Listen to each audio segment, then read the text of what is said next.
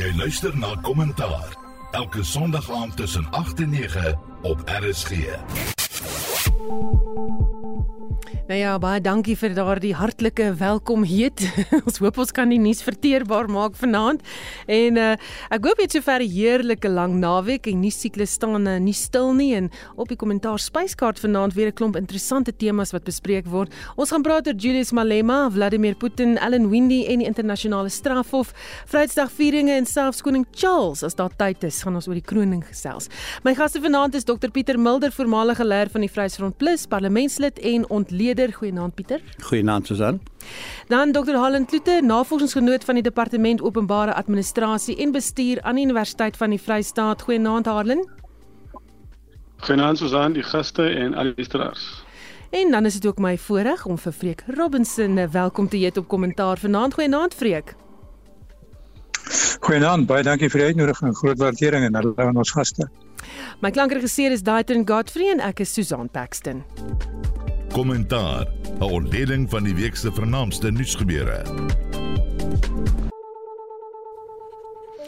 Dis nou uh, bykans 4 minute oor 8 en soos jy weet, luister jy na kommentaar, jy kan steeds uh, saamgesels op die SMS lyn 45889. SMS se kos R1.50 as jy uh, ietsie wil sê, 'n vraag wil vra.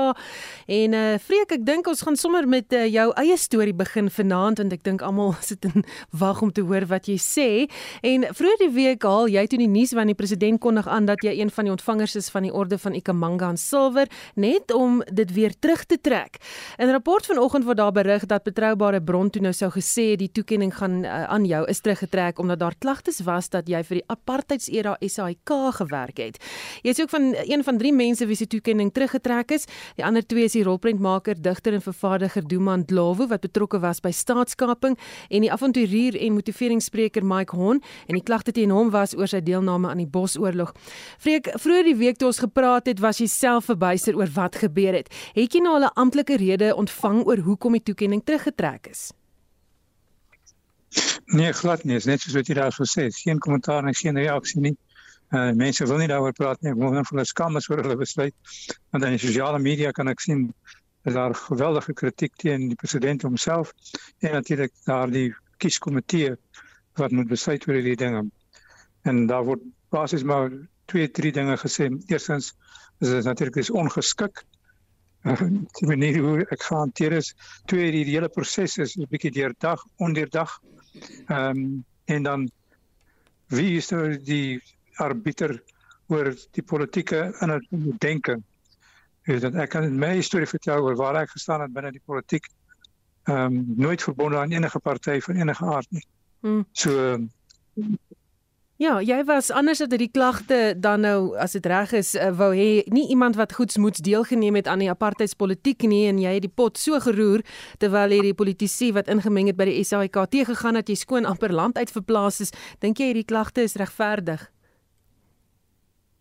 Nee, ek dink nie so nie. Ek dink dis onnonsens. Ehm um, en ek kan vir byvoorbeeld 'n stukkie so lees van The Long Walk to Freedom die boek wat ehm um, ek het met Mandela Mandela heel wat te doen gekry. En hy het vir my een keer ook 'n onderhoud met hom gedoen en toe skryf hy vir my 'n brief hierso. En hy sê to Freek Robinson best wishes to a TV presenter who enjoys our highest esteem Nelson Mandela 12 12 98 nou as Mandela die highest esteem het vir my dan weet ek nou nie hierdie komiteetjie wat oor hierdie besluit het geneem het hoekom hulle nou anders te dink daaroor nie. Hmm. gaan jy steeds aandring op 'n antwoord Ag jy kan seker maar jy gaan nie kry nie. Ehm um, en soos ek sê ek dink dat dit skaam daaroor. Dit is 'n vreeslike snaakse besluit gewees. Hm. Ehm um, Ja. Harlan, ek gaan vir jou hier inbring. Wat's jou reaksie op hierdie gebeure? Kyk, ek dink mense, ek dink wat met vreek gebeur het is 'n onmenslike mens. So nie dit aan 'n ander mens nie ek ek is ek dink die hele manier.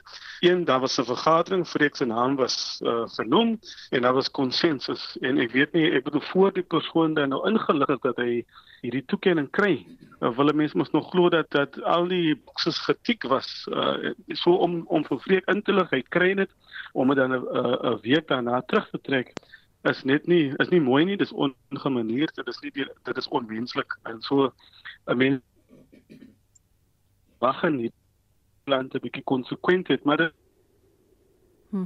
maar dit wys ook Harlan, jou lyn is daar so Uh, klein. Harlan, kan jy vir my hoor daai lyn van jou is besig Ek- om uh, ek- moeilikheid te gee. Ons Hoor ons hoor so hier en daar klink of jy in morse kode praat hier uh o i. Herhaal dalk net as jy Ja. kan of skuif net so bietjie en dan herhaal jy daai laaste Okay, sin kom vir ek my. kom ek probeer gou skuif. Ek ek hoop ek kan my beter hoor nou. Ja, klink vir my Ek baie dink- beter al. Hm. Okay, ek dink nee wat wat met Freek gebeur het is bietjie onmenslik. Daar was 'n komitee, die komitee het besluit Freek was ingelig dat hy gaan die toekenning ontkry om dan nou terug te gaan en te sê nee man, ons het 'n fout gemaak. Is is nou dit dit, dit wys vir my weer eens oor die gebrekkige leierskap in daardie komitee. Dit is nou nie natuurlik 'n besluit wat die president alleen geneem het nie. Hy het 'n ring adviseurs, maar iemand het droog gemaak en so ek dink 'n mens moet eintlik vir Freek om verskoning vra vir hierdie vir hierdie blaps uh, want dit is dit is net onmenslik. Mense doen nie dit aan ander mense nie. En uh, Pieter, ons het vroeër met jou ook gesels uh, oor wat hier gebeur het. Die storie het toe nou so 'n bietjie verder gevorder al. Wat is jou indrukke nou van wat hier aangaan? Hy het nie baie verder gevorder nie. Kom ek sê as ek nou die ding deurdink, weet alle politieke partye maak toekennings. Maar ander die ANC se hulle tak wat goed was toeken. Die Vryheidsfront Plus gee ou wat baie geld ingesamel het. Maar hierdie is nie 'n party ding nie. Hierdie is die land se hoogste toekennings. So dan moet 'n berekende iets wees dat dit oor alle grense heen moet wees. Jy kan jouself nie nomineer nie. En waar Halm reg is, weet 31 Augustus het die nominasies gesluit. So al die nominasies moes inwees. So daar's meer as genoeg tyd van daardie tyd tot nou toe. As daar kontroversie is. Nou kom ek probeer dink hoe ek redeneer. Natuurlik is alle openbare figure is omstrede. Ek meen ek ek het baie vir my en teen my, ek kan tel jy ook. Vreek sal mense het van hom hou en nie van hou nie. Maar daar is nie vrede al toegeken aan omstrede mense. Marinus Daling het dit gekry van Sanlam. Ewe de Klerk het dit gekry. Wil hy Estreisen. So die president moet sterk genoeg wees om nie sommer net vir die geringste beswaartjie of waar kan nou nie, want dit word nou amper 'n party ANC toekennings in plek dat dit regtig erkenning gee aan mense oor alle grense heen en dan loop jy die risiko dat die toekennings hulle geloofwaardigheid kan begin verloor. Ek weet nie of ek vreek kan troos op die ligte manier wat ek dit nou die dag gedoen het nie. Maar die dilemma wat ek regtig het daarmee het hulle gee byvoorbeeld ook toekennings postuum, dis baie keer nodig iemand wat dood is of waar ook al. Maar ek dink hulle vat dit tot die uiterstes. Uh, Mahatma Gandhi het ruk terug toekenning gekry, is nie die 48 dood in Indië. Martin Luther King is nie die 68 dood in Amerika. Hy het die toekenning gekry. Ek weet nie of oor Suid-Afrika ooit gepraat het nie. En toe het ek stout gewees en te sê jong, dan moet ons miskien volgende jaar dink aan Moses van die Bybel. Hy het ook mense uit bevryding uitgelei want dit lyk my dis 'n soort van toets wat hulle aanlê wat ek dink onbillik is. Gee vir Marite oor alle grense heen en kry geloofwaardigheid daarmee saam. Nie op die manier wat dit nou gedoen is nie, dis regtig uiters swak. Freke, hier's 'n uh SMS wat inkom. Vra asseblief vir Freek of hy vir oom Boet Botma van jare terug in die parlement onthou. Groete Johan. Van Walvisbaai. Ons ek wel Pieter onthou hom Freek. Ja, maar hy het in die politiek gesit in die parlement en ek nie. Ja. maar in elk klomp ondersteuning hierso Samuel Walters van Garde wat sê Freek, ek weet jy was die beste dat die regering hulle prys hou sê hy. So 'n klomp mense wat bietjie daaroor gesels. Uh kom ons gaan na die volgende tema toe. Die week verskyn die voormalige bestuurshoof van Eskom Andre de Ruyter voor die staande komitee oor openbare rekeninge of terwyl skoor. Met groot afwagting is die verrigtinge dopgehou want is die eerste ding wat die parlementslede wil weet en ook almal in Suid-Afrika Wie is hierdie ministers wat hy voorheen geïmpliseer het wat deel is van die korrupsie? Maar die ryter kan of sommiges meen wou nie enige verdere vrae antwoord nie en het net gesê dat hy nie die ondersoek wat aan die gang is wil belemmer nie. En uh, Pieter, eerste vraag is vir jou, dit het vir my gelyk of dit 'n baie frustrerende sessie vir die parlementslede was. Ja, ek dink so, maar ek dink hulle het te hoë verwagtinge gehad uh, as hulle gedink het hy gaan al die die, die dinge sê daar, dink ek hulle is verkeerd. Die voorstel het 'n paar keer verwys na parlementêre privilegie. Nou wat is parlementêre privilegie? Dit beteken 'n parlementslid wat in die parlement 'n ding sê, word beskerm sodat hy korrupsie kan oopmaak en die soort van dinge. So jy kan eintlik iemand belaster binne in die parlement en dalk die man kan niks aan jou doen nie. Maar daai privilegie gaan nie na gewone mense wat net getuig voor hom nie. So jy kan nie hy het geen parlementêre privilegie of geen beskerming nie. En soos ek dit het, kan die voorstel ook nie vir hom sê hier is dit nie. Op sy nie voorstel gesê ek kan dit vir jou gee. Ek is nie bewusheid vir hom kan gee nie. So die ruiter moet baie slim tussen die klippe deurgaan en sy regsmense het vir hom geadviseer pas op en wees versigtig. Jy kan hier 'n laster eis of wat ook al op jy kry en ek is bevrees. Dis jammer om te sê sy veiligheid is 'n faktor wat nie grappies meer is in Suid-Afrika nie. Ons het meer as een genoeg voorbeeld daarvan. Soos hulle gedink hy gaan sommer 1 2 3 naam sê sonder feitelike bewyse en al die soort van goed.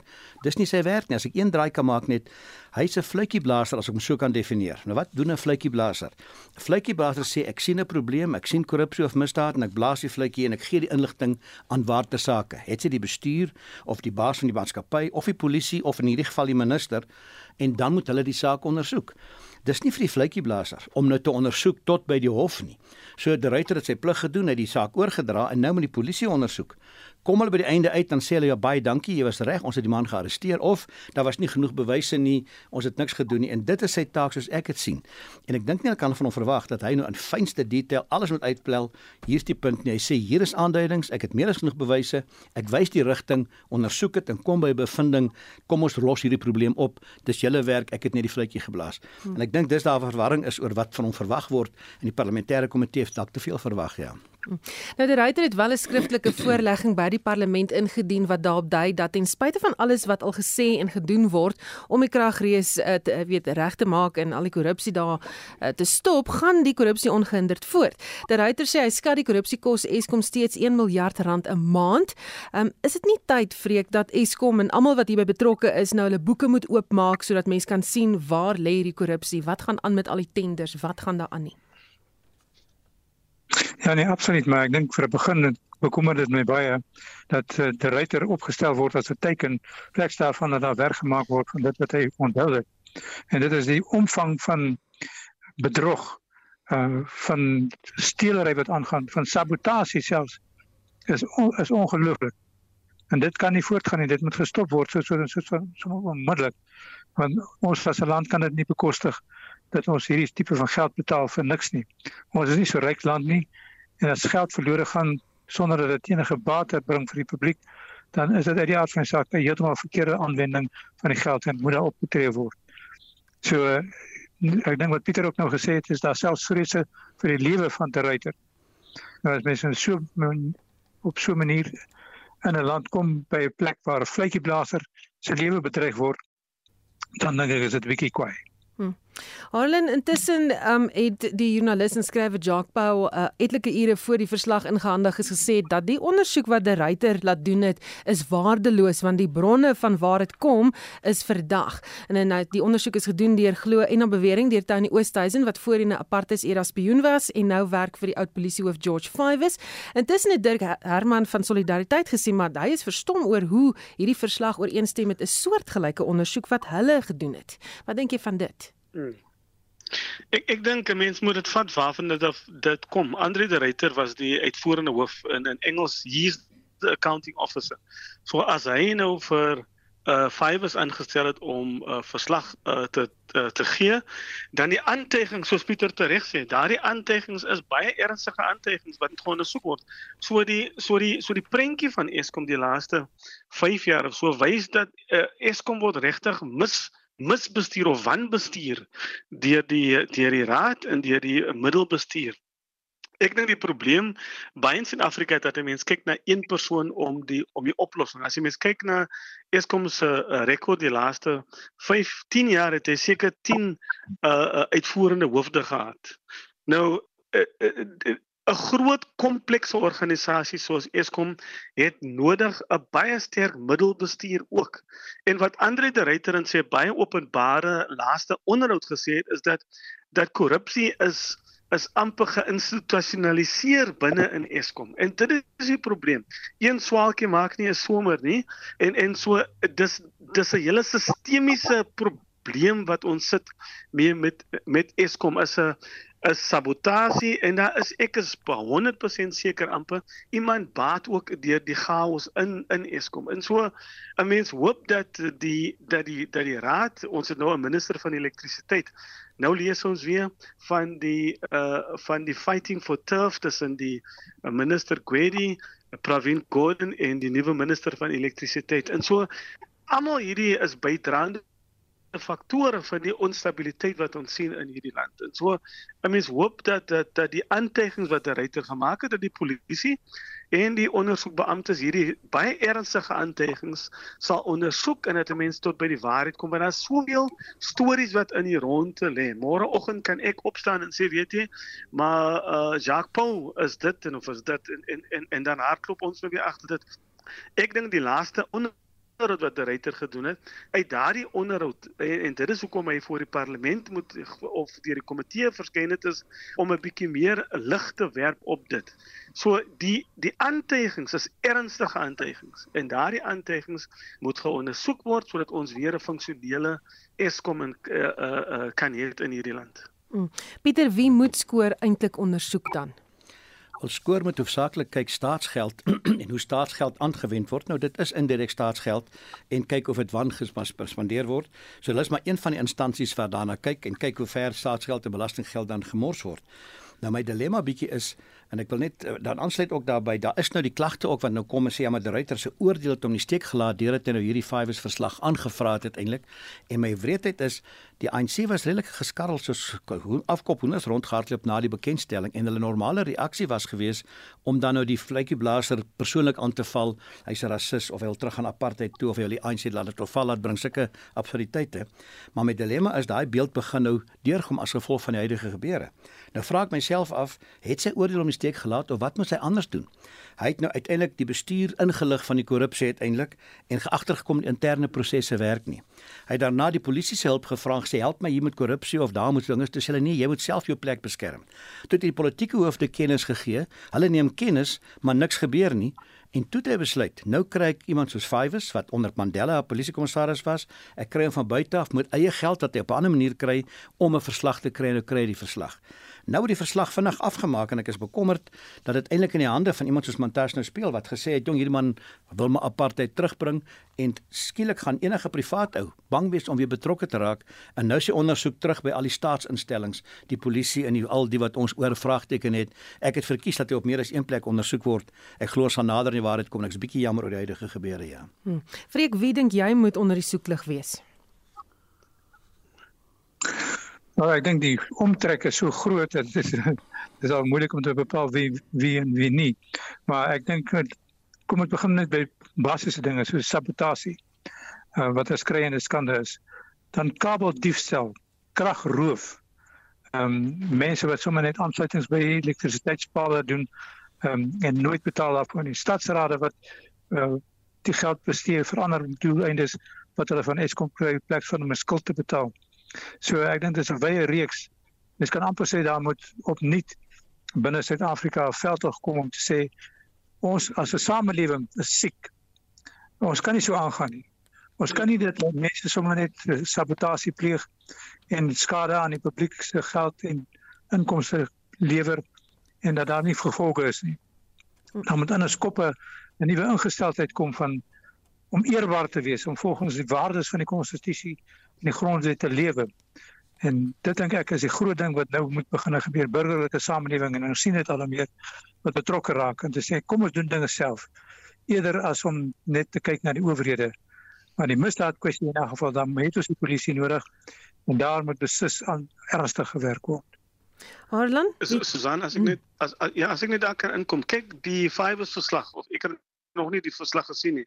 Maar daardie verslag as as ek aantekenings maak, Fivers was aangestel en die Sunday Times sê dis iets soos 50 miljoen rand. Uh maar dit is nog nie die punt nie. As die verslag Fivers uh uh het seker seker uh terms of reference gekry wat hy aangestel het en het 'n verslag gelewer. Nou in daai verslag is daar nou sekere gevolgtrekkinge.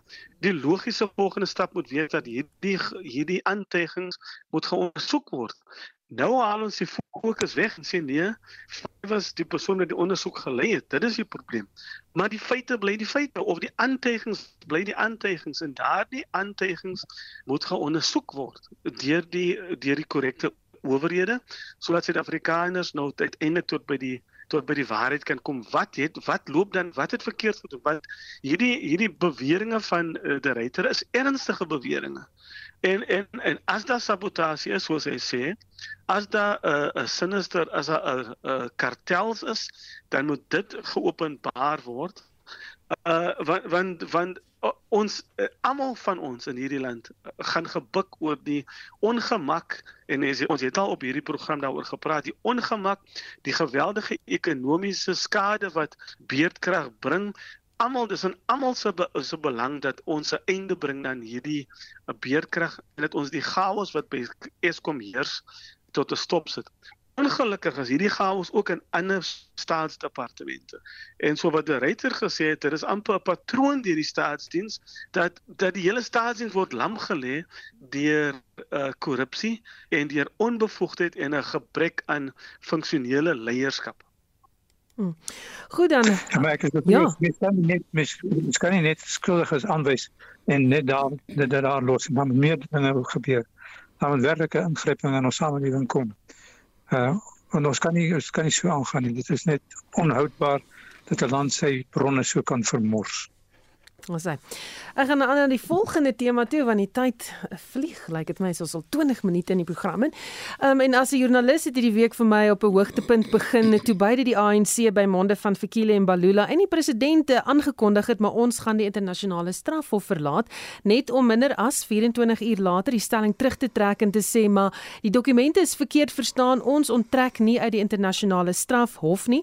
Intussen sê die leier van die EFF Julius Malema maar die regering is deurmekaar. Hulle moet onttrek van die internasionale strafhof. Pieter, wat dink jy van die gebeure? ja, die arme ANC ek moet nou my woorde mooi kies. Onthou nou in Zuma se tyd, Omar Bashir is hierso, uiteindelik uh, moet hy gearresteer word. Hulle het mooi daaraan gedink nie die eie Suid-Afrikaanse Hooggeregshof bevind in 'n uitspraak terwyl Bashir hier is, hy moet nou gearresteer word dat 'n krisis vir Zuma veroorsaak. Hulle skarrel met hom die land uit en hulle probeer die situasie bereik, maar ons vat baie sleg vir ons beeld na buite. Intussen ons nuwe president, Ramaphosa, en hy reken dis nie goed vir ons beeld nie en by Desember se ANC konferensie oortuig hy daai afgevaardigdes dis nie nodig om te onttrek nie en die besluit word omgekeer maar hulle het nie daaraan gedink dat Putin nou in die moeilikheid is nie. En skielik is hulle weer in die moeilikheid. Augustus is Putin hierso, nou moet hy gearresteer word en ek is oortuig by die nasionale uitvoerende komitee is die saak bespreek. Ons moet onttrek of daar 'n besluit geneem is. Dit kan niemand vir my sê en ek kan nie agterkom nie. Maar Fikile sê dit en die president sê dit, so ek dink dis wat daar gebespreek is. Maar toe kom Lamola van buite af waarskynlik en sê kerels is nie so maklik nie. Ons moet dink dat die parlement sit 'n wet en daar's nou nog 'n 12 maande tydperk ook wat jy moet kennis gee deur skielik dit ontslaaf van te raak gaan ons nie die Augustus probleem oplos nie. En ek dink in die lig skielik sê hulle ons gaan nie meer onttrek nie. Dag gaan dit later doen, maar dit gaan nie ons probleem nou onmiddellik oplos nie. Nou my dilemma daarmee saam dis skep regtig 'n slegte beeld van Suid-Afrika. Na buite toe uiteindelik, die president se kantoor lyk onbekwam, En as ek kan byvoeg, weet ons is op die oomblik op 'n baie sensitiewe punt waar ons beeld in die buiteland al meer skade kry. Ek sien oral ligte waarskuwingstekens, kom ons sê oranje ligte wat aangaan oor ons internasionale posisie. Ons was die menseregte wêreld liefling in 1994 met Mandela as president. Ek onthou na 1994 weet ons almal besoek. Die koningin was hier van Engeland, Clinton was hier gewees, Duitse kanselier Fidel Castro, Arafat en almal wil met ons besigheid doen en skielik in hierdie kort tydjie het die wiel gedraai. Ons het skielik 'n probleem op ons gryslys geplaas met allerlei redes vir korrupsie. Rondom die hele BRICS en Oekraïne is daar groot vraagtekens. Waar val ons? Is ons die kant of daai kant uiteindelik? En dan nou kom hierdie strafhof by. Nou weet ek toevallig dat die Amerikaanse ambassadeur rukkie terug vir parlementslede gevra het in 'n gesprek. Hy moet vir die kongreslede in Amerika sê, is ons 'n vriend of 'n vyand van Amerika? Nou die dilemma ook wat belangrik is, daai AGOA verslag is nog steeds daar.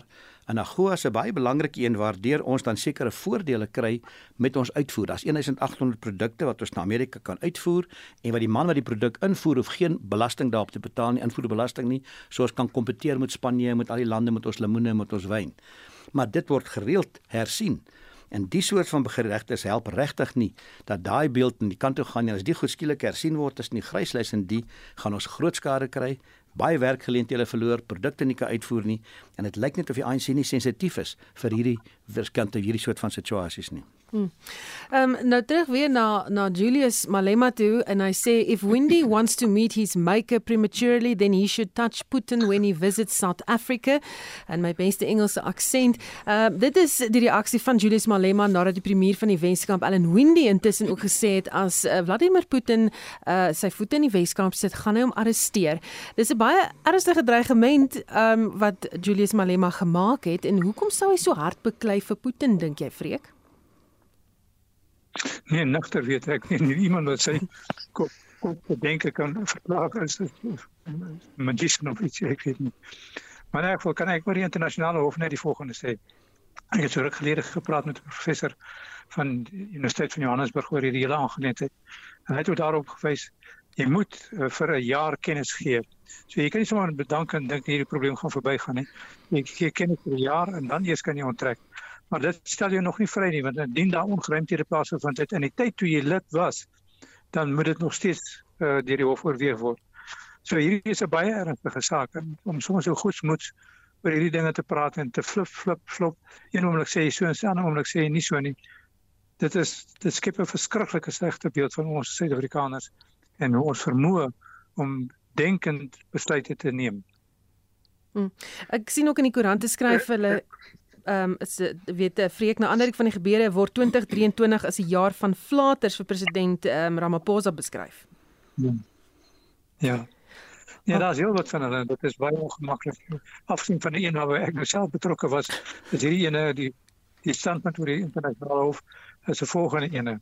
Die ander ene is, is dat ehm um, dan in duidelikheid is ook Suid-Afrika weer die G7 gaan bywoon nie en Japan se optrede om ons glad nie te nooi nie. Dit ook op uh, dalk 'n ander siening oor Suid-Afrika se posisie in internasionale politiek. Ons hele standpunt rondom die oorlog in Kroasie en die ooste van Oekraïne. Oekraïne. Ja. Ja, dit um, dit werklik is is bitterlike slegte ding internasionaal besig om plaas te vind en hoe ons verstommend nie dit kan veroordeel nie gaan my verstand te bowe. Hmm. Harlan? Ek dink Susan, ek dink wat wat ons moet besef is dat Suid-Afrika nog altyd 'n oor die bevrydingsstryd het 'n het 'n baie goeie verhouding gehad met Rusland. En so die bevrydingsbeweging was befonds geondersteun deur die Russe. En so dis 'n dis 'n baie moeilike uh storie vir die president. Jy sal weet dat Suid-Afrika is ook deel van BRICS waarvan Rusland, Suid-Afrika, Brasilië, Indië en China deel is. En so dis nie so maklik nie want Suid-Afrika uh die ANC was nog altyd 'n vriend of die bevrydingsbeweging was 'n vriend van Rusland. Uh uh Ellen Windy se dreigement om die president van Rusland te arresteer as hy in die wetenskap kom, ek dink dis 'n baie leë leë dreigement want hoe gaan hy dit regkry? Want ons Suid-Afrika is nie 'n federale staat nie waar die wetenskap onafhanklik is nie, alhoewel die wetenskap dink ek partytjie wil, wil glo en dink en en regeer asof hulle heeltemal onafhanklik is, is hulle nog steeds deel van die unitaire staat Suid-Afrika. En so ek weet nie hoe dit prakties moontlik sal wees as as as die as die Russiese president in die Weskaap kom nie. Maar terug die die die Rusland Kiba en het nog altyd uh met, was was vriende van die bevrydingsstryd. En so om om openlik, ek dink dis 'n baie moeilike situasie. Ek weet dit mag nou baie maklik klink om te sê wanneer ons hier ons hier te doen met internasionale betrekkinge. Uh jy sal onthou die propaganda in die 80s, 70s was uh die Kubaanse en die Russiese en die in die, die uh, rooi gevaar uh en en maar hierdie was mense wat die bevrydingsstryd ondersteun het. En so ek het amper begrip vir die vir die dilemma uh uh vir die vir die Suid-Afrika en sy buitelandse beleid want Rusland was nog altyd 'n vriend van Suid-Afrika en nie 'n vyand nie. Hm. Ek ietsie byvoeg? Ja, gaan so. Ja, ek kan ek net byvoeg daar eintlik wat hulle sê absoluut korrek en met mense moet probeer jou in die situasie van die ANC indink en dit is waar in die kultuur van die ANC en ek moes 30 jaar na hulle luister is dit vreeslik belangrik die Palestynë moet nog daar byvoeg die Kubane, Noord-Korea selfs, maar dis al die goggas tans van die wêreld, maar die was bereid om hulle te help. Toe niemand hulle wou help nie en die weste nie wou help nie, het hulle hulle gehelp. So hulle voel die verpligting. My dilemma is ons is nou amper ja. 30 jaar na 94. Hoe lank moet jy aanhou? Maar dis ook 'n ander werklikheid. In die internasionale politiek, die bietjie wat ek daarvan verstaan, is daar nie regtig vriende van lande nie, daar's net belange. En as ek deur daai ja. bril kyk, dan sit ek met die harde werklikheid dat ons grootste handelsvennote meeste van ons geld en uitvoer en invoer gaan na die Europese Unie, dan na Amerika, dan China uiteindelik. Rusland is nie onder die eerste 25 lande nie. So as jy daai bril opsit, is dit heeltemal anders. Japan is ons vierde grootste uitsaai uh, voermark. Hy het ons nou geweier om na die G7 te nooi, so ons is baie moeilik tussen die klippe wat ons moet deurgaan. Kan ek ietsie sê Winde ook uiteindelik, dis 'n lekker storie maar my saam. Ek sien die man op Twitter is ook baie slim. Een man het gesê Winde moet maar dapper wees maar 'n persoon soos uh, Putin wat oor 4000 kernbomme beskik, gaan jy nie maklik arresteer in die Wes-Kaap nie. Maar die harde werklikheid is en dis waar Willem ook reg is, is ons 'n federasie, is ons nie 'n federasie nie. Daai hele debat is skielik oopgemaak die Weskaap klaar en die DA klaar met reg. Hy het nie eers beheer oor sy eie polisie nie, hy het nie beheer oor sy eie treine nie. En dit reflekteer eintlik by 94 onderhandelinge wat nie vanaand ter sprake is nie. Maar as ek nou tegnies argumenteer, dink ek die strafregtelike vraag is kan 'n provinsie namens die hele staat optree? En ek is bevrees die bietjie wat ek van regte verstaan is dit nie moontlik nie die, die internasionale strafooreenkoms is deur Suid-Afrika as oorkoepelende staat geteken nie deur die Wes-Kaap nie maar ek dink dis goeie propaganda vir die DA ek dink hulle wil berekend uitwys hoe verskil die DA en die ANC oor hierdie saak en daarin het hulle beslis goed geslaag En dan wil ek tog die stoute toekomstige vraag vra, die toekoms gaan bewys wie was nie regte kant van die geskiedenis as ons oor 20 jaar terugkyk na die oorlog en na Putin en die strafhof, dan sal ons weet wie was reg en verkeerd, ja. Hmm. Vreek? Maar ek dink dit is 'n snaakse besluit wat geneem is ehm um, of wat die ANC het is om so vriende te wees met Putin. Want ons moet onthou die aanvanklike kontak met hulle was deur die EFSR, die ander word die kommunistiese party wat daai hele klomp state 15 van hulle byeen-gehou het uh vir 'n lang tydperk. So wat met wie is ons nou vriende? Is ons nou vriende is met Putin? Wat destyds deel van die kommuniste was, maar nou deel is van 'n nuwe uh, demokratiese bestel in Rusland. Weet jy op, op grond van wat is hy 'n is hy nou 'n spesiale gas en vriend van ons. Ek dink is 'n bietjie teer mekaar denke wat nie goed deurdink is nie.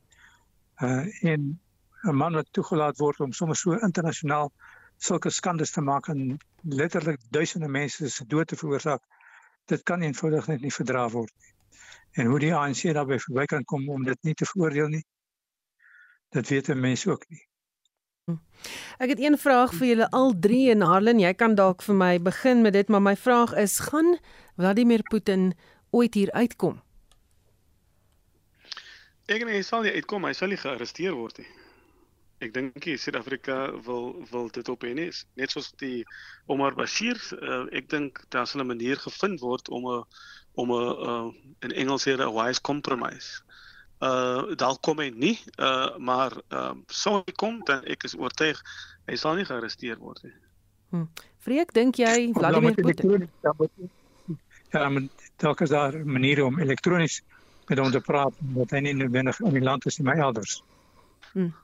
Pieter Die bietjie wat ek van Putin sien is hy nog 'n arrogante KGB generaalkie wat sy titel as generaal generaal En ek wonder of hy nie 'n punt sal wil maak om te sê is ek moet my hele veiligheid wat ook al nie. Ek hoop nie hy wil dit doen nie. Want soos ek die bietjie uit die regsmening kyk, is daar geen manier hoe hy by die hoë regshof bevinding kan verbykom dat hy gearresteer moet word nie. Maar ek dink die ander twee kollegas is reg. Die ANC sal nie durf waag om hom te arresteer nie, maar vir Suid-Afrika gaan dit 'n reuse verleentheid wees. Nou sien ek hulle het 'n komitee aangestel onder die adjunkpresident om net te kyk vir 'n uitweg. My regsvriende sê vir my daar is nie 'n regsoplossing nie. Die oplossing is hy moet aan die ander kant maar bly en hy moet met Zoom en al hierdie ander maniere oor die internet inkom, maar dit sal 'n bietjie aan sy kant 'n erkenning wees dat hy verloor het en ek is nie seker of hy dit kan doen nie. So dis 'n interessante storie om dop te hou. Hoe gaan Suid-Afrika deur die moeilikheid kom? Hulle het nie gevra daarvoor nie en hoe gaan hy wegkom sonder om te lyk of hy gesig verloor en die strafhof eintlik sy sin gee deurdat hy ingeperk word hoe hy kan beweeg en hy hou niks daarvan nie. Hm. Ehm um, dink julle en uh, hierdie het nou aanleiding na die volgende tema toe dat daar 'n spesiale lughawe vir hom ehm um, reggemaak gaan word soos byvoorbeeld die een in uh, die Ooskaap, die Bishu lughawe. Die nasie mor oor wat daar gebeur het en die president van die Verenigde Arabiese Emirate ehm um, het hierdie lughawe herstel en saam met sy gevolg daar kom land. Hulle is daarna 'n plaas toe in die Ooskaap. Ehm um, die lughawe is selfs 'n tydelike grenspoststatus gegee en douanebeamptes is daar ontplooi sodat die president daar kon land. Baie vergelyk hierdie gebeure met die Waterkloof Gupta land landing. Die regering sê egter alles is volgens die reëls gedoen en daar's geen bedrog of korrupsie hier betrokke nie. Ehm uh, Holland die land en ander politici sukkel om dit te glo as mens kyk na die naweek se beriggewing daaroor. Nee, dit klink lekker op die oorie. Verstaan jy dat 'n ander land nou uh, met soveel geld dan nou al kyk die infrastruktuur in Biswa is nog nie van die beste nie, maar soos jy sê dit dit klinkie goed op die oor en nou my wanneer die regering sulke blapse maak dan wonder mense baie keer wie is die adviseurs uh, kyk wanneer ons praat van 'n uh, goeie regering dan moet daar open uh, deursigtigheid wees daar moet konsultasie wees maar nou op die gewone oor klink dit nie reg nie dat hier nou soveel vergunnings gemaak word aan 'n aan aan aan die uh, emirate uh dit klink net nie reg op die gewone persoon se oor nie. Uh so so waar daar rookies dan vuurtjies so so ek ek ek ek kan nie ek het nog ek kan nie verstaan hoekom ons dit sou toelaat nie. Uh ja, dit ek verstaan dit nie. Hm. Vreek al sê die regering ja, dis ja. ja. Aan die ander kant moet ons seker bly wees as daar beleggings gedoen word van miljoene rand. Uh en van tot dan daardie liggawetjie erken hom was nou daar gewees in die verlede.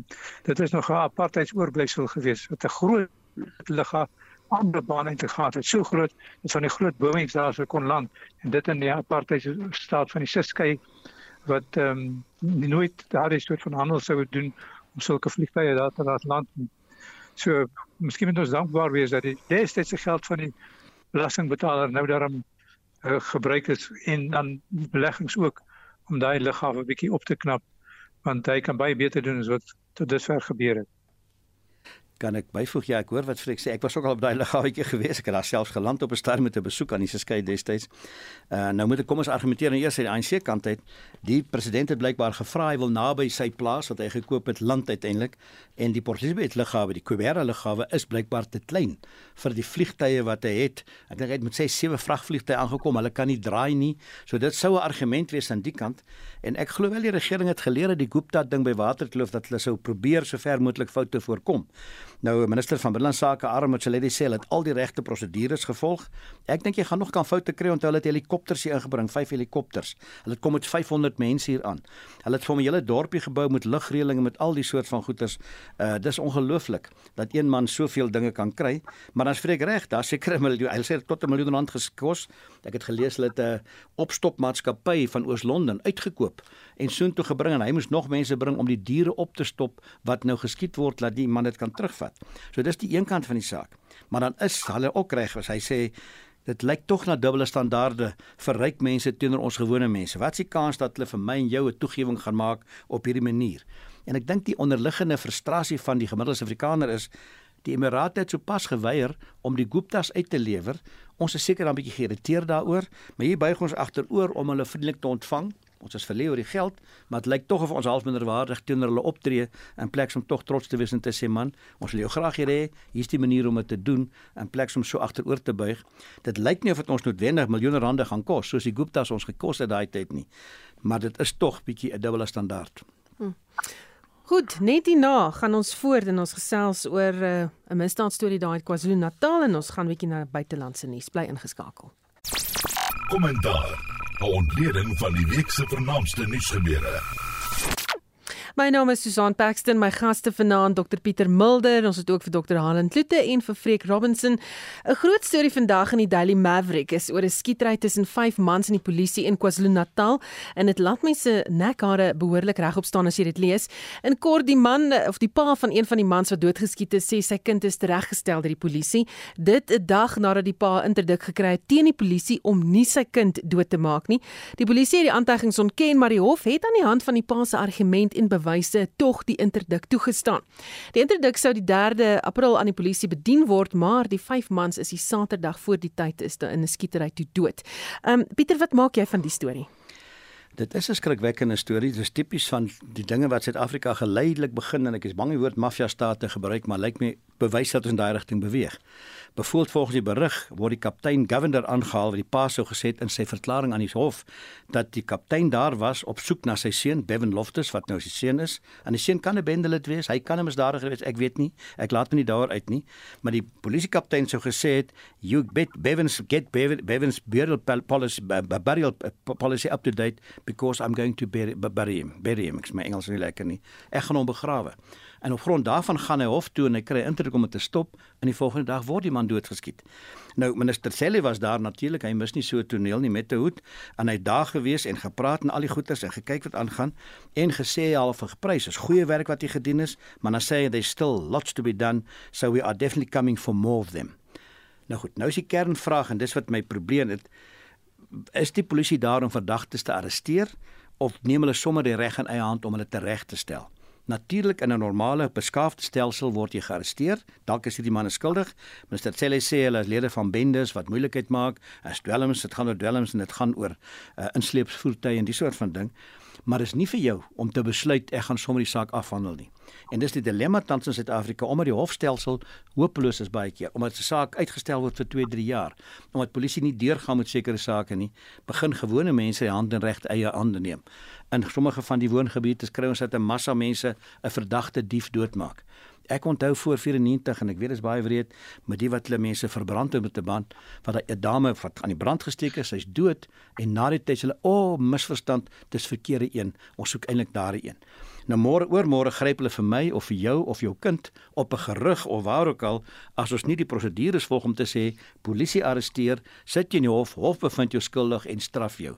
Maar ons kan nie toelaat dat die mense self mag in eie hande neem, die polisie begin besluit, ons besluit, ons gaan jou teregstel uiteindelik nie en ek hoop daar's ondersoek om te bewys is dit wat gebeur het of nie. Dis dit sê sê natuurlik, hy vermoed hulle het geskiet en toe die polisie teruggeskiet, die pa sê hulle het nie geskiet nie, dit was 'n teregstelling. Kom ons kyk wat die waarheid is, mos kan regtig nie die goed toelaat nie. Hm. Arlen die paat ook 'n onafhanklike patoloog hier want hy sê 'n privaat ondersoek sal toon dat die polisie eers geskiet het. Uh, die pa wat ook 'n oud polisieman is, maak baie baie ernstige aantuigings teen die polisie. Ja nee, dit is dit is reg baie ernstig. Ek bedoel as die hof dan die interdik dan 'n toestand dan het die pa seker baie grondige redes gehad en en reg die die probleem is is dat jy, jy weet Suid-Afrikaners die 'n uh, uh, uh, studie vroeër of verlede jaar het gewys hoe wat Suid-Afrikaners het in die polisie is baie laag. Harlan is jy nog daar? Het of 'n hand in die saak en mense hoop kan my hoor? Ja, jou sein is weer Hallo? Jou sein is weer so 'n bietjie uh, wankelrig, miskien Ek stap gou weer. Ja, sê ja. Ek stap gou weer weg. Ek stap gou. Ons kyk. Jy beter nou? Ja, kom kyk gou, gaan dit? Ja. Okay, ja. Okay, so ehm uh, ek wil sê dit is baie kommerwekkend as die as die pa vir intree teen die polisie wat wat deur die pa gebring is. En so 'n studie verlede jaar het gewys dat die vertroue wat Suid-Afrikaners het in die polisie is baie laag en in baie uh, van hierdie gevalle is die polisie ook betrokke in hierdie misdaad aangeleenthede. Uh, En so dit hierdie hierdie saak laat 'n mens regtig uh uh uh baie baie bekommerd en 'n mens hoop dat die onafhanklike polisie eenheid sal hierdie saak dan ook kan ondersoek sodat ons kan nou presies weet wat presies hier gebeur het maar dat die vertroue in die polisie laag is en dat die polisie baie kere ook betrokke is soos die studie wys uh bron van kommer. Hm. Die koerante praat hier van sogenaamde hits of sluipmoorde en kontrakte wat mense se lewens uitgeneem word. En vreek die gemeenskap daar is bang as mense nou hierdie berig lees verder in die Daily Maverick want hulle almal het anoniem gepraat. Hulle wil nie hulle name bekend maak nie. Wat gaan hier in hierdie provinsie aan? Maar as jy daar nie is in ander dele van die land ook trouens dit is 'n verkiesing wat nou gehou is, as jy sommer 'n persoon te ver, ver, vervang wat geskied is. Um, daar is al meer blyk daar 'n tendens vir politieke moorde en ontvoerings ook. En dit is bitterlik kommerwekkend want soos Pieter gesê het, ons wil nie op die paadjie wees na 'n uh, absolute maffia staat. So hierdie soort van dinge uh, gaan mense skrikkerig maak om, na die politiek te kom wat baie jammer is, want ons het goeie mense nodig wat werklik intelligente besluite en goeie besluite kan neem. Ons soek nie sommer elke hier jy en ja en so aan en jy kan jou posisie verstewig in die party deur 'n moord te pleeg of iemand aan te sê om aan ander mense te gaan doodskiet en so aan. So dit is 'n bitterlik ongelukkige en gevaarlike situasie wat ontwikkel en is hoop nie waar Ja. Ek uh, ek dink ek wil sorry. Gaan maar aan Harlan. Hallo nee nee ek ek wil aansluit by wat Freek sê weet politieke bode ek, ek so twee jaar gelede se onthou was daar in en in veral in eh, nie veral in KwaZulu-Natal was 'n uh, kandidaat doodgeskiet net omdat die uh, vergadering besluit het dat die persoon wat moet uh, gaan staan as kandidaat moet matriek het. En die kandidaat wat uh, homself voorgestel het het maar staan dit staan dit 4 gehad of graad graad 6 En, en so hierdie persoon is doodgeskiet net omdat die voorstel gemaak was dat dat die persoon moet ten minste kan lees en skryf en matriek kan hê. En so politieke sleepmoorde, jy sal onthou so 'n paar weke gelede, dit is nie net in die politiek in die vermaaklikheidswêreld uh, so tot 2 maande gelede in Durban ook sy lewe verloor het.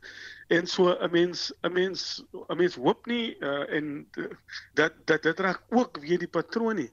Maar dit is so dat dat die dat die stakes is so groot. Jy weet die politiek is in 'n baie opsigte die eerste stappie na die na die middelklas toe.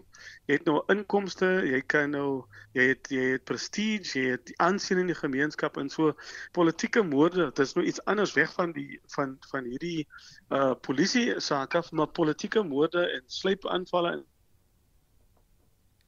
mense leef uh en en en mense hoop nie dit raak die kultuur nie. Daar is dink ek onder Suid-Afrikaners ek ek sien dit baie in gemeenskappe amper wetteloosheid. Daar is nie genoegsame respek dink ek vir die vir die polisie nie. Daar is nie genoegsame gevolge nie. Sake vat baie lank om voor die howe te kom. Mense mense kom weg met met moord letterlik in hierdie land. Ek weet van gevalle waar waar sake nou 10 jaar loop uit die vir vir vir 'n buitestander is dit so eenvoudig daai persoon het daardie ander persoon geskiet maar die saak kom net nie tot tot tot sy reg nie. So die so die vertroue in die kriminele uh, stelsel uh, uh is ook op 'n op 'n baie laagtepunt en en en regtig ons sal iets moet doen om om die Suid-Afrikaners se vertroue ook in die regstelsel terug te bring. Natuurlik as jy geld het in die land, uh dan dan kan jy groot advokate et, et cetera bekostig, maar die regstelsel in baie gevalle sê mense vir my, uh, faal die arme mense, die gewone mense op die straat en dit is nie goed nie. Mm. Nou Vrydag is ook hierdie week gevier um, en uh, baie mense het gesê maar daar's niks om te vier op die dag nie want die land is vasgevang in die greep van misdaad en korrupsie en daarom is niemand vry nie. Die president het in Klerksdorp inwoners gaan toespreek en daar basies gepraat oor wat die ANC en die regering wel vir hulle gedoen het. Pieter, die fokus is amper meer op 'n verkiesingsveld tog as om te praat oor Vrydag en hierdie kwessies waar almal bekommerd is. Ja, jy is heeltemal reg en ek gaan een opmerking oor die vorige punt wat eintlik ook hierby aansluit. Jy weet net een syfer en die syfer is nie ek is nie heeltemal seker van die syfer nie, maar laas was dit 10% of 9% van alle misdade eindig met 'n skuldige bevinding. Dit beteken 90% misdadigers kom weg en kom vry. En dit verklaar daardie ding en ook die frustrasies dan as ek na Vrydag toe kan kom vir die gewone man in die straat wat sê wat het ons om te vier? Het ons regtig iets om te vier uiteindelik? Uh en ek dink die meerderheid mense en ek weet ek maak wel 'n stelling, ek dink mense kan dit bewys, is ontnugter met hoe die land lyk na 29 jaar oor alle politieke partye heen. 'n riglyn wat my betref is die stempersentasie. Jy weet nie die 94 was dit oor die 80% mense wat opgedaag het om te stem. Daai lang toue wat ons in prentjies van gesien het, dan stem minder as 50% van stemgeregtigdes. Hulle het belangstelling verloor en as jy gou kyk na na die president en die ander partye, dan is dit 'n ou klein saaltjie nou se daar. Daai daad Mandela 'n stadion toegespreek op Vryheidsdag. En die stadions het kleiner geword en dit begin groot tente raak. Dit Klerksdorp was 'n klein saaltjie as ek so gekyk het wat ook vir jou aanduiding is uh, na daardie kant toe. Nou die dilemma daarmee staan wat ek ook wil byvoeg. Die ANC het regtig geslaag of gemisluk om Vryheidsdag 'n Suid-Afrikaanse dag te maak. Ook in die toesprake gaan lyk. Maar andersde dit word suiwer dan amper 'n ANC dag die manier wat aangepas word. Die ideaal as ek in ander lande kyk, beteken dit 'n spreker spreek neutraal oor die dag of oor die geskiedenis wat leiers van alle partye sit op die verhoog, mense van alle dele is onder eintlik en dis Suid-Afrika se dag. Hierdie word 'n ANC dag en daarom is daar 'n DA aparte funksie, daar's 'n EFF aparte funksie en dit word 'n klomp politieke rallies wat ek dink nie aanvanklik die droom was daarmee saam nie, maar ek dink my stelling van ontnigtering sal ek graag hoop iemand my verkeerd bewys, maar dis die indruk wat ek van mense kry in Suid-Afrika. Hmm. Goed, ek wil uh, nou na die buiteland toe gaan want ons het nou uh, nog net so 9 minute oor. Kan ek maar iets sê? Ja.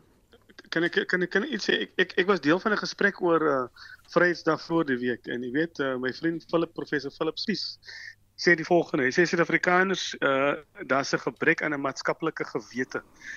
Is dat ons is nou meer verdeeld as wat ons was lyk dit vir hom voor 94 en dit het my regtig laat dink die woord maatskaplike gewete is dat ons ons lewe in hierdie hierdie uh, gapende wêreld van ryk en arm uh van van die gaping tussen ryk en arm raak net al groter en dit lyk dat die wat het gee ook nie meer om nie want hy het ook vertroue verloor in die stelsel.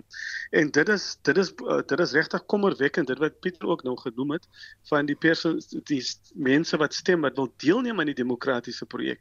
So al hoe meer Suid-Afrikaners verloor ook sy sy belangstelling in die politiek en en skeer alle politieke partye amper onder dieselfde kam.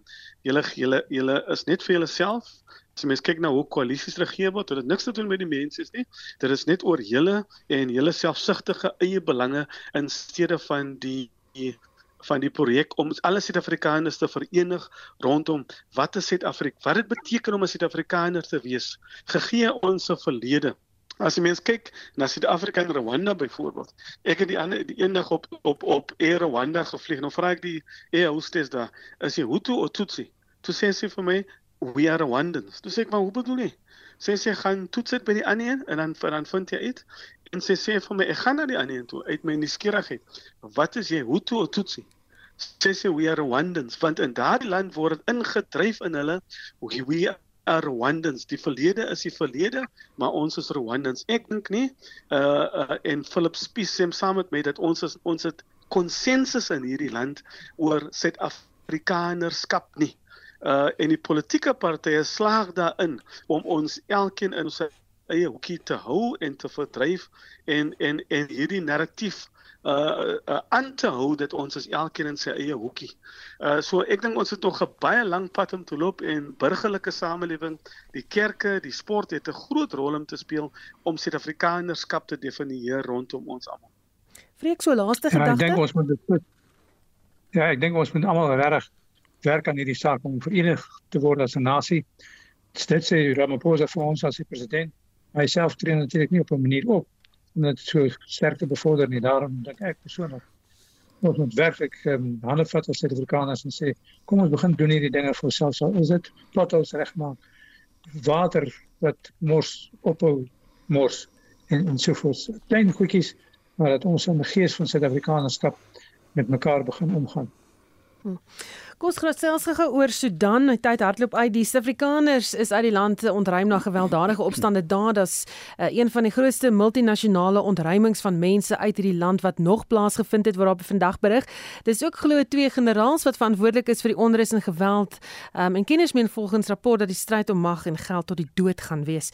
Um, hoe belangrik is Sudan vir die kontinent, Pieter? Hy is nie so belangrik nie. Wat wel interessant is, is die derde grootste land in Afrika as ek dit mag byvoeg, maar finansiëel en anders as hy nog maar altyd 'n chaos. Ek dink is wel belangrik in terme van die beeld na buite. By ander Afrika sukkel nog altyd om demokrasie te vestig, om te bewys ons hulle is demokrate en om stabiliteit te kry. Daar's baie redes. Een daarvan is die kunsmatige grense wat verskillende mense saamgooi, maar dis nou 'n ander onderwerp. Nou sedert die 56 het Sudan onafhanklik geword en hulle het ses staatsgrepe gehad tot nou toe. So daar's nog nooit regtig demokrasie gevestig nie. Bashir was die laaste een onlangs huis oor vergewerp deur die twee generaals. En die een van hulle nou en ek het die naam neergeskryf Abdul Fattah al-Burhan is die half die baas nou, hy's beheer van die weermag. Maar dan het hy ook 'n adjutant, Mohammed Hamdan Daglo.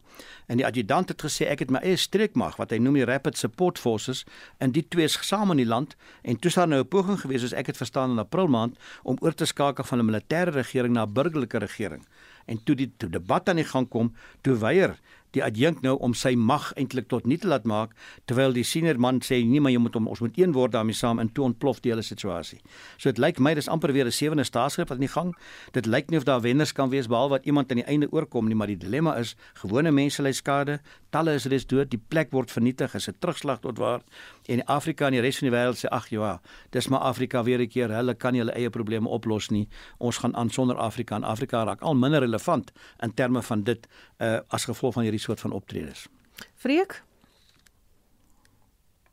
Ja, nee, ek stem saam. My vrou werk het grootes gewerk in baie lande in Afrika, soos meer as 30 van hulle gesweet.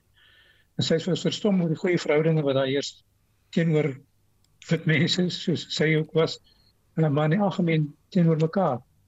Maar dan is daar nou hierdie ander dinge wat gebeur hierdie dikwels se staatsgrepe en so aan wat presies veroorsaak dat Afrika as geheel nie die naam uh uitgegee wat hy behoort te internasionaal en dit is bitterlik jammer. Ehm um, want daar is baie dinge wat ons vir mekaar kan beteken. Kan ek net vinnig hierdie een ding noem? Um, eintlik vir my bietjie skokkend was en teen praat teenoor dit wat ek nou gesê het. En dis ek was onlangs in Limpopo gewees en daar het 'n polisiekolonel uh die boere kom toespreek en so aan en hy het gesê 80% van alle ernstige moorde en misdaad wat in daardie provinsie gepleeg word is mense van Zimbabwe. Nou hoekom is dit so? Is omdat daai land ondergaan ekonomies en ons beslis 'n groter rol speel om daar 'n verandering te bring. Harlan Nee, ek ek dink vinnig, ek dink net die Afrika Unie het 'n moet 'n baie groter rol speel. Die effektiwiteit van die Afrika Unie word word juis gemeet aan konflik soos die watter rol speel uh die Afrika uh, ook, uh, uh organisasie. Ek weet oud president Thabo Mbeki was ook al betrokke by 'n uh, um, 'n missie om om vrede, langdurige vrede daar te bewerkstellig. Maar soos jy reg, soos Pieter ook gesê het, dit gaan oor mag en geld en ek weet nie en miskien moet ons later daaroor praat. Ek weet nie of demokrasie werk op hierdie kontinent nie of of mense 'n ander stelsel moet hê nie, want as jy ook kyk na Suid-Afrika, dan wil ek waag om te sê ek is so seker dat demokrasie werk ten gunste van die van die gewone Maar die Afrika Unie het 'n baie groot rol te speel om te sien dat 'n langdurige vryheidskap en ek weet een van sy missies is ja. is om 'n uh, 'n wapenstilstand te hê binne in Afrika dat ons vrede sal hê. Ek dink Afri Africans Afrikaner wil vrede hê en dit is 'n klein groepie mense wat wat baat by hierdie tipe staatsgrepe en hierdie tipe langdurige konflik. Ja. Pieter, wil jy gou reageer op demokrasie werk dalk nie vir die kontinent nie? Nee, dis te lank onderwerp. Vra my 'n ander dag, dan gaan ek jou toespreek hoekom hy nie werk nie en daar's goeie redes vir. Ek het gehoop ons gaan by Charlie uitkom en Lisbeth mm. en Flip en die koning bly nou. Wie gou sê, ja, jy het hom nie. Ek wil sê ek is republikein. My ouma was in die konsentrasiekamp, my oupa het geveg teen die Engelse. Ons is kwaad vir die Engelse, maar ek is bevrees baie Afrikaners gaan tog kyk oor die kroning daarmee saam en ek weet as ek hulle vra daaroor dan sê hulle ja, ons stel belang, hulle moet net nie oor ons regeer nie. En ek het 'n klein kind wat ek ander dag verduidelik het van die Anglo-Boereoorlog, toe sê hy vir my oupa, maar is dit nie beter dat die Engelse oor ons regeer as die ANC nie? En toe het ek nie antwoord daarop nie, maar ek dink dis 'n interessante verwikkeling of die Britse koningshuis gaan voortbestaan of Charlie dit gaan kan aanpas by die moderne tyd en dan kan ons nog lank praat oor die twee seuns en hulle rol daarmee saam. 6 Mei kom ons kyk wat gebeur daar. Ons sien of weer bel aan praat ons koningshuis sake met 'n koppie tee. ja. Baie dankie, dit was kommentaar my gaste Dr Pieter Mulder, voormalige leier van die Vryheidsfront Plus, parlementslid en ontleder, Dr Halen Kloete, navorsingsgenoot van die Departement Openbare Administrasie en Bestuur aan die Universiteit van die Vrystaat en dan ook Freek Robinson. Hy is 'n uh, natuurlik groot media persoonlikheid, bekende naam, bekende stem. My klankregisseur Daitrin Godfrey, ek is Susan Paxton. Geniet die res van jou aand.